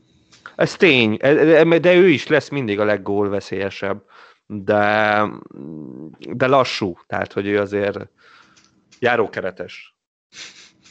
Nem ez az, ahol, ahol statokban lehet, hogy ő az, például támadó statokban mindenképpen, és ez bármikor ő is lenne, mert magasan, az egyik legjobban támadó védő. De ez már évek óta. és a pontrogásokat nézzük a Premier League-ben, igen, ez, ez, ez szerintem is nagyon egyértelmű, nagyon-nagyon jól fejel. De hogyha a védekezést nézed meg a passzjátékot, akkor meg, akkor meg lefelelő ki. Ő, ő két szezonnal ezelőtt már szorult ki a kezdőből a Brightonnál, azért került kölcsönbe a Celticnek, Celticbe, mert, mert még a padra se fért oda. És, és ez a veszély, hogyha egyszer már megtörtént, egy, egy idősödő Duffinál szerintem még egyszer megtörténhet, nem biztos, de sokkal nagyobb a veszély, mint, mint Livramento kapcsán. Akiről meg egyébként nyilván most mondta azt a Hassenhutel, hogy, hogy úgy igazolták le, hogy beígérte neki a jobb hátvédposztot. Azt mondta, hogy gyere hozzánk, és akkor kezdeni fogsz már az első fordulóban. De nagy Mert... mocsok volt, hogy ezt az elején nem mondta ezt el. volna nekünk. Nagyon nagy mocsok volt, mert, mert, mert ez az információ számomra nem állt rendelkezésre Game Week egyen. Most addigra rájöttünk, addig igen, nagyon szépen köszönjük, nagyon kedves ember, a szép mosolyával, de ezzel már nem megyünk túl sok mindenre, de a teljesítmény is rászolgált, tehát tényleg elképesztően jó a csávó. Jó, de nem volt, olyan, nem volt olyan Gani, mint Dean Smith, aki kamuzolt hetekig grillisíréséről. Jó, jó, a Dean Smith az, az tényleg hulladék, tehát hogy ő, ő ilyen szempontból nem. De olyan volt, mint a haver, aki kölcsönkért tőle pénzt, és holnapozom, holnapozom, igen, holnapozom. Igen, igen. Folyton holnapozom, basszus, és kurva nem hozza az meg egy év múlva sem. Tényleg, tehát hogy Ja. És tőle megkérdezték, tőle megkérdezték az újságírók, tudtam, ugye akkor volt meg, a persze, a, persze, persze. Kiszivárgott a grill, és ugye eladták a targették, ja, ja. társai. Ja, ja. Na de hát ha már ilyen sokat beszéltünk a, a prémium védőkről, akkor itt Áron bedobta azt, hogy összehasonlításképpen egy, egy ugyanilyen árban lévő 6,5 6.0-ás középpályás fölveheti -e ezekkel a védőkkel a, versenyt így a közeljövőben. Nem is ez a kérdés, hogy fölvetje, inkább én, én, nekem az a gond ilyenkor, hogy a középpályán nem találok 4, a védelemben találok 4,1 millióért olyan, olyan játékost, aki tud hozni pontokat, a, a középpályán nem találok 4,5-ért sem olyat, aki tud hozni pontokat. Hát sajnos ezt meg tudom erősíteni, mert Musa Sissoko egy három gólos meccsen nem tudott semmit se összehozni. A Brown Pedig... ott volt a reménységünk, ugye? Brown Hill-ba az a, ne legyen ott a reménységetek. Nem. Tehát egy Cancelo vagy egy James, ugye 5,5-6-os kategóriában Diaz tud hozni annyi pontot, mint egy Gallagher simán, vagy, vagy egy, még, egy, még egy traoré is talán tud jobb lenni. A gond viszont az, hogy azt, amit Divramento vagy Duffy 4,1-ért hoz, azt a középpályán 5,5-ért hozzák. Így van. Tehát ha berakunk egy hatos védőt mondjuk, és helyette egy olcsóbb középpályást, akkor ezen pénzt bukunk egyrészt, mert 4,5-öt teszünk be 4,1 helyet, 0,45 pénzt rajta, és millát pénzt, úgy mondom, mint a gyerekek. Másrészt középpályán van egy, egy blankoló emberünk biztosan, aki igazából nem lehet számítani. De akkor magyarul a négyvédős rendszert azt offoljuk, tehát hogy... Nem. Nem, nem feltétlen? Nem, nem, nem. Mert annyira jó viszont a Chad is vorsolása, hogy szerintem megéri most ezen változtatni, vagy akár megérheti. De úgy nem tudom igazából, én ezen dilemázok egy ideje már, hogy mi legyen. Négy védő, három védő. Duffy Livramento is mellette három jó védő, egy, egy, Hát egy, igen. tudom, egy Cancelo, egy Trent és egy James, az egy tök egyszerű sztori, igaz? Van öt játszó Igen. védőt, három nagyon jó, Így van. középpályán maradt pénz, még befeje Lukaku, Ronaldo, Antonio. egy- és ez egy jó sztori, csak hogy mi lenne betenni itt két Chelsea védőt, ugye? Nem lenni előrébb vajon? Ez, ez a jó kérdés, ez a, az a piszkálja a Ki kell fejbe. vennem Traorét a középpályáról. Igen, akkor ki kell venni Traorét a középpályáról. Na ez a gond. Lát- Látod, ez az. Tehát úgy játszik, úgy, úgy fut, hát figyeld, figyeld öt játék közben, és hát ő, ha, ha első nézel focit, azt mondja, ő a legjobb játékosa. Hát Az gyors, biztos. erős, biztos. úgy se lesz basszus, mint a futszálon ezek a cselgépek, hát zseniális játékos. Hát Meg, meg nem tudod elfelejteni, érted? Tehát mit a milyen Abszolút. Zsotta típusú játékos, rengeteg van. De a Traoré csúcs. Abszolút. Bár a Szemédóval össze lehet téveszteni. Hát telefonról nézve, igen. Nem látszik a, a festett fonott haja csak azért, mint lobog a szélben. Nem tudom, ez a négyvédő, ez, ez nagyon érdekes szerintem is. És, és most igazán érdekes. Én, én szezon előtt is gondolkoztam rajta, akkor, akkor Robertson volt az, aki érdekes volt nekem, Trent Robertson, Shaw, és akkor mellette még egy négyes feles, és akár úgy nekivágni, és akkor ők kiváltották volna Tónit mondjuk, a csatársorból, akiben nem bíztam. Most megint felvetődik ez a kérdés, pusztán azért, mert, mert tényleg az biztos, hogy, hogy jobbak ezek a 6 milliós védők, ezek több pontot hoznak, mint a 6 milliós középpályások, meg a 6 milliós csatárok. Nálam ez, ez most kb. biztos. És, és, és tetszenek. A, a legnagyobb problémám az nekem az, hogy három csatára szerintem nagyon adja magát, nagyon könnyű kiválasztani három jó csatárt. Két prémium akár, vagy egy prémium, de ott találunk mellé még kettő jót. És, és akkor viszont ez azzal jár, hogy három középpályásunk van, és egyszerűen a középpályásokat akarom. A középpályán van a legtöbb pont, nekik jön a legtöbb, a legtöbb, nekik van a legtöbb módjuk arra, hogy pontot szerezzenek, és egyszerűen annyi támadó pont van a középpályán minden évben, évről évre, hogy nem tudom elképzelni, hogy ne emelkedjen ki megint egy jó középpályás. Nyilván ezt nagyon nehéz meggyőzően mondani, olyankor, amikor Jota és Greenwood annyi pontokat hoz, mint, mint Gilmour és Bissuma. Ilyenkor nehéz érvelni a négy, véd, négy középpályás mellett, de ettől függetlenül ez wildcardon szerintem egy baromi érdekes kérdés, és, és nagyban fogja meghatározni a, a telünket. Én pont azt látom egyébként, hogy nem a középpályán van eddig a legtöbb pont, és tavaly sem azt láttam, hogy a középpályán olyan sok pont volna. Volt sok pont a középpályán, de nem azok hozták, akiktől elvártuk, két-három négytől eltekintve. Tehát idén, ha megnézzük, jó, csak öt forduló kis minta. A legtöbb pontot hozta Antonio, 39, Alonso 38, bocsánat, Szala 50, 39 Benrama, és utána jön négy védő. Hozzásebben Pogba és Fernandez a Greenwooddal.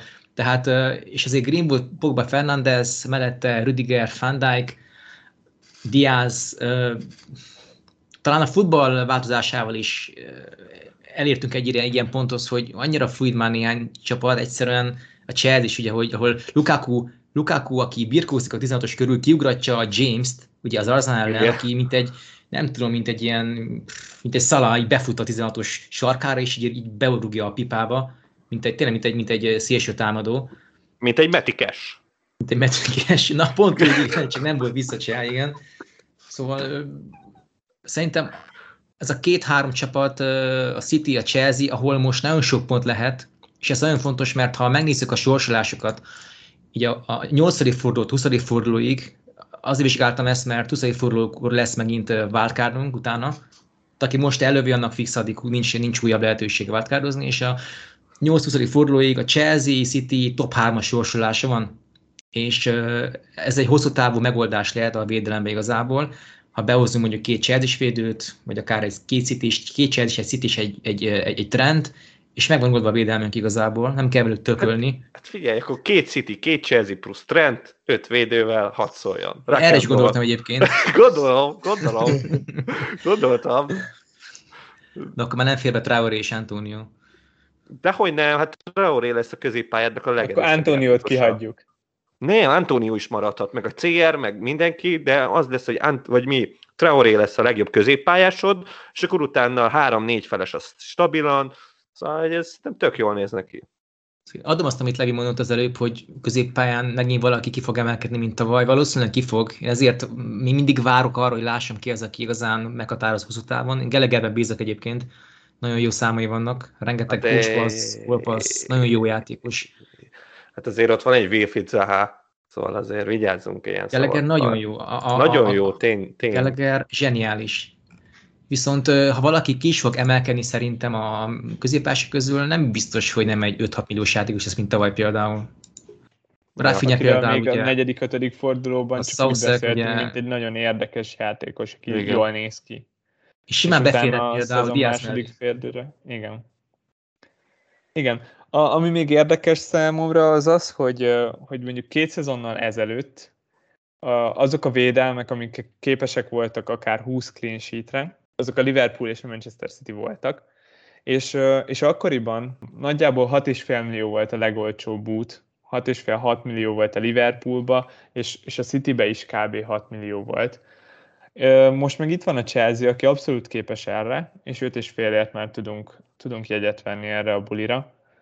És ez lehet egy olyan dolog, ami, ami még nem egészen tudatosult bennünk, mert, mert általában az ennyire jó védelmek azok drágábbak szoktak lenni. És ráadásul úgy tudunk hozni 5 és félért uh, Chelsea szélső védőt, hogy, hogy nem lepődünk meg, hogyha hozza a támadó pontokat. Szóval nem csak Rüdiger típusú játékosokat tudunk hozni. És, és ez lehet, hogy még, még inkább amellett, uh, amellett érv, hogy, hogy négy védővel igenis neki lehet vágni.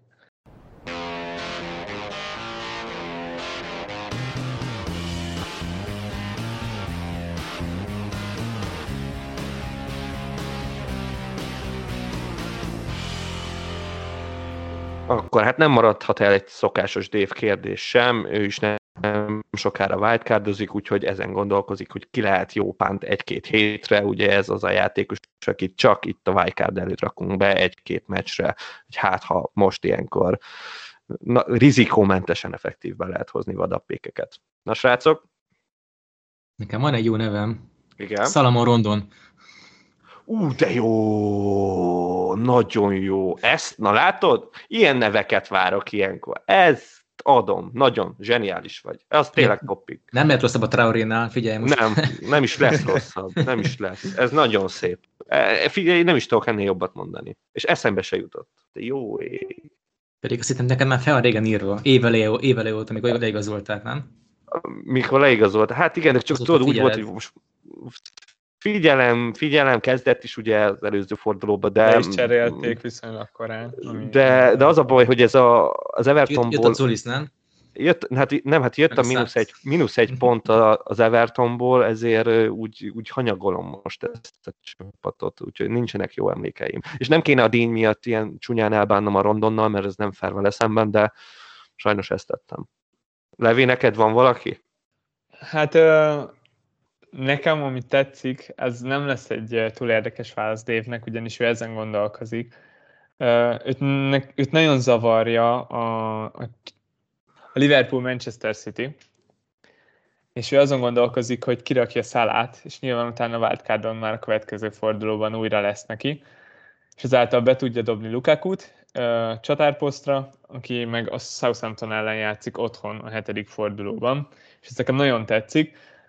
Ezt a stratégiát még talán annyival tudom kiegészíteni, hogy ő, ő elgondolkozott azon is, hogy esetleg a hetedik forduló előtt váltkárdozzon, és, és akár azt is meg lehet próbálni, hogy beleváltkárdozunk ebbe a csúnya Liverpool-Manchester City-be, ami sose jó, de ott akár kezdhetünk wildcardon, Szalá nélkül, és majd utána behozzuk, de, de túl, sok, túl sok opciót nem látok itt, hogy ki lehetne az a prémium, akit megfogunk egy fordulóra, mert, mert a prémium középpályások baromi nagy bajban vannak idén. Hát én ilyen nagyon vadat gondoltam, tehát hogyha tényleg csak két fordulóra kell valaki, és ha bízik valaki a Manchester City-ben, akkor KDB-re rá lehet startolni, két ilyen brutális meccsen biztos, hogy kezdeni fog, és aztán és valószínűleg senkinek nincs bent, és nekem ez, ez jutott eszembe. De... Chelsea és Liverpool ellen? Igen, tehát itt, itt játékpercek miatt nem kell annyira izgulni, de, de a City hogyha tényleg úgy érezzük, hogy jó, Hozzáteszem, akkor... hogy nem sokára játszik Dévvel Máté a, a, a, ligában.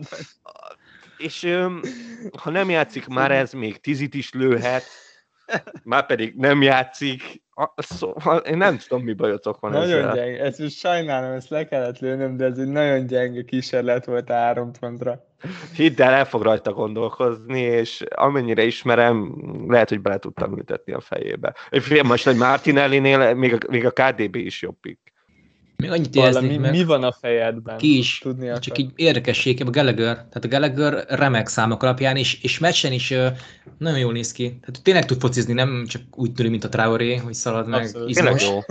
nagyon ügyes. A liverpool volt egy, egy majdnem gólpassz egyébként, amit Alisson kabufára tolt, Zaha oda ügyetlenkedte. És az elmúlt öt meccs alapján, az ilyen nyers statisztikák, a legtöbb nagy helyzete Antoninak és Maninak volt 6-6, utána jön Ronaldo és Gallagher 5-5, tehát big chance. XG, tehát a várható gólok és gólpasszok számát tekintve az elmúlt 5 meccsen Gallagher a hatodik helyen áll, Salah, Antonio Mani 5 felett, Fernandez, Lukaku 4 körül, és Jota Gallagher 3,7.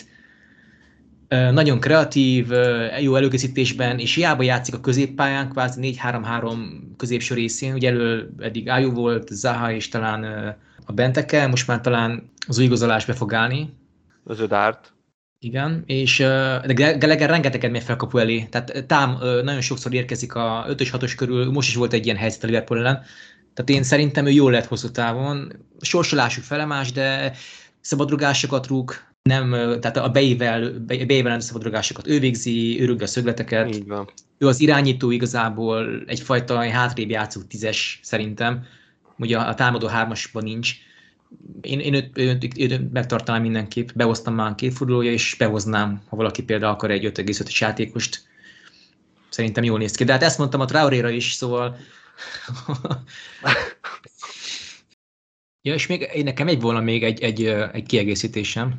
A Tony, igen. aki most a Liverpoolhoz megy, mint Liverpool fogadja, nem néz ki jól, de utána bár piros sorsolása, nagyon piros, West Ham Chelsea, azért a West Ham szokott gólt kapni, Leicester szokott gólt kapni, utána egy, és a 8. forduló, a 10. forduló kezdve sokkal jobb a sorsolása Brentfordnak, és a Tony nagyon jónak tűnik eddig, az elmúlt pár meccsek alapján, nem a góljai miatt, tehát aktív kapu előtt, ő is előkészít, ő is előkészít, nem csak kapura előtt, 11-es rugó, és ez a Brentford masszív csapat hátul, nagyon jól kontráznak, remek, remekül meglepték a Wolves ugye annál a támadásnál, nagyon szépen indította ugye lesatáron kiugró Emboémot talán, igen. Tehát, igen, igen. Nekem ő nagyon tetszik, 6,3 most már, és stabil játékos, 90 percet játszik, ő mindig fog játszani, végig játszik, jól fejel, 11-eseket rúg, tehát egy wildcard akár 8 év fordult kezdve, és ezt sem tudom képzelni, például Antonio helyére, és akkor lesz pénz a mondjuk hátul több, több mindenre. Én, én nagyon-nagyon a... figyeltem Tónit, mert vele kezdtem a szezonomat. Az első négy fordulóban bent is volt, és, és nekem, nekem valamennyire ellentétes a véleményem róla. Az nagyon látszik, hogy telen quality a csávó, elképesztően jó játékos, bőven-bőven Premier League szint, és, és tényleg nagyon jól készít elő. Azonban, azonban azt is észre kell venni, hogy Embuemo rendszeresen előrébb játszik, mint ő, ez minden meccsen megfigyelhető, hogy ez az előkészítő szerepköre, ez egy elengedhetetlen része a Brentford támadásának. Tónira szükség van, hogy megszerezze a labdát lentebb a támadó harmadnak még a kezdeténél, és, és utána lepasszolja a társainak. Pont ezért én, én sokkal támadóbb támadóbb stílust vártam tőle, nekem ez csalódás volt, hogy nem volt annyi lövése, nem volt annyi veszélyes lövése, nem került annyi nagy helyzetbe, és én, én nem éreztem benne annyira a gólt. Én nagyon-nagyon örültem, amikor betalált az Aston Villának, baromi jó érzés volt, de, de szerencsésnek is éreztem magam. És, és nem, nem volt rossz érzés látni azt, hogy most gollal és gólpasszal jött el a Wolves elleni meccséből. Nem éreztem úgy, hogy, hogy nekem nagyon-nagyon hiányzik a csapatomból azután, hogy kiraktam. És még egy dolog, ami nem tetszik vele kapcsolatban, az az, hogy ha, ha netán megint két-három rosszabb meccse lesz, akkor, akkor nem nagyon van opció, kifelé tudnánk fordulni abban az árkategóriában, mert nekem nem tetszenek a, az olcsóbb csatárok. Hogyha valakinek bejön pukki, és úgy érzi, hogy a felé tud fordulni, akkor, akkor ez egy pozitívum, nekem ő annyira nem tetszik. Szóval, szóval emiatt én, én tényleg azt érzem, hogy, hogy akkor már inkább fordulnék valahogy a védelem fele, mert egy hat és feles Tóni helyett lehetne egy 6 milliós védőnk is akár, ott biztosan több pontot érzek. Igen, és Embuemo meg az a baj, hogy nagyon nem kvalití a csávó, tehát képtelen gólt lőni, most végre egy üres kapura be tudta lőni, de, de az, hogy ő annyi zicsere van annak a csávónak is, mert nekem ugye, meg ő volt bent, de... Te donkonyarod, igaz? Hát igen, igen, mondhatjuk ezt. Ne, nagyon rossz volt nézni a csávót, hogy, hogy megvannak az ittszerek, de nem tudja belőni, és hát nekem van egy pár ilyen játékos, akit ugyanígy vagyok velük, szabadulok az ilyenektől meg. Most leszakóban vagy, igaz? Leszakóban, igen, igen. Hát ott van a puki, kevés zicser belövi. Az ez, ez, ez így sokkal jobb, ez sokkal kultúráltabb, nem kell annyit idegeskedni miatta. Úgy tudni, rugott még egy gólt, és nem adták meg, szóval érzi a kaput annyira, hogy Kettőt így, is lőtt, vagy két, nem? Két lesgólya volt? Két les Két lesgólya volt, igen, igen. Mester hármasa lett volna. Szóval, nincs, na, Wolves ellen azért ja, de az, nem de az egyetlen érvényes gólya az meg egy 11-es igen. volt, ami, ami király, hogy ő lövi a 11-eseket, de hogyha megnézem, eddig van két gólya, egy 11-es, meg egy szöglet utáni kavarodás, ez tök jó, de, de nem érzem azt, hogy, hogy ő feltétlenül fog találni. Calvert Lewin, hát ő is így tolja. Jó, igen, igen ott, szép. Ott jobban érzem, ott jobban érzem, és nála nagyon sok próbálkozás van, akár az ötösön belül is, de legalábbis ott a kap közvetlen közelében, és ez abszolút hiányzik nálam Tóni játékából. Ha beszéltünk Tóniról, akkor a forduló egyik legjobb játékosa a Szár volt, a Watfordban duplázott, Máté, tudom, hogy te annyira nem szereted őt, de azért meg te is gondolkoztál rajta sokáig. Balla, te biztos vagyok benne, hogy nyitott vagy rá. Mi a véleményed róla? Hogy tetszik neked? Brutál volt. Tehát négy nagy helyzete volt, négy zicsere volt, hogy kettőt berugott, kettőt kihagyott, tehát szembe a kapussal. Igen. Kettőt kihagyott. Hallgatlak. Az előző három-négy meccsen nem volt ennyire jó. Az első meccs ugye az bejött, szép Denisszel szépen megcsinálták nem tudom őszintén, mit várjak a Watfordtól. Én, én traoré hoztam a helyére, gondolkodtam rajta, de nem sokat.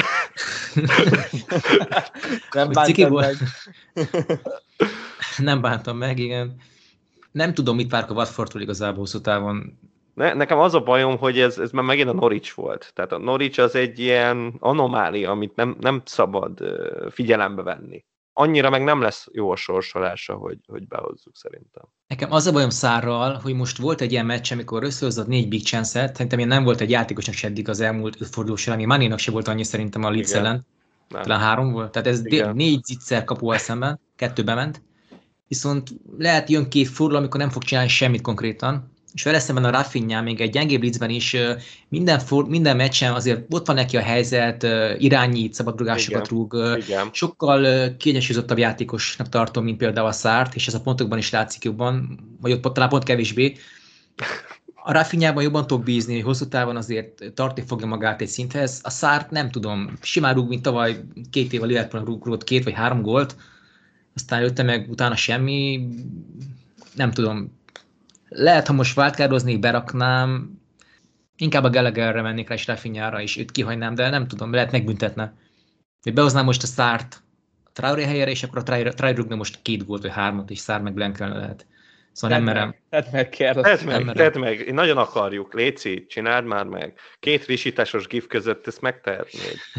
igen. Nagyon igen. jó lenne. És ami a szárnak jó a sorsolása, tehát Watfordnak nagyon jó sorsolása. Hát pont annyira, amíg wildcardozol. Pont Igen. ennyi. Utána meg elromlik. Gyere, egy Newcastle, egy Leeds, akit meg lehet kontrázni jól denis. Így van, így van. Így van. Nagyon jó.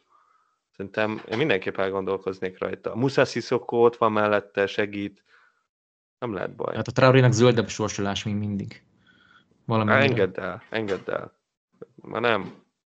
Szóval kis mint a szár, én azt látom, ez kis mint, ez egy meccs volt eddig, az első meccs az jó volt, öt meccs volt, két jó meccse, Tavaly láttuk, hogy két éve játékot játszani, jó játékos. Igen. Tényleg Ez egy ilyen... nekem nagyon tetszik, hogyha a játékos igazán kvalitás. Igen. Jó Igen. játékos, lát, a csapat... látszik, látszik hogy nagyon-nagyon ügyes. És, és el fog igazolni onnan.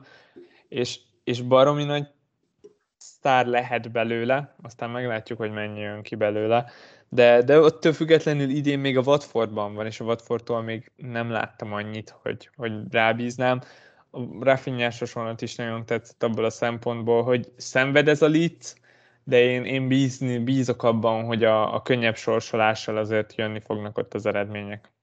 Nem tudom, Valla, hogy gondolkoztál-e már ezen a Ronaldo otthon, Villa, Salah?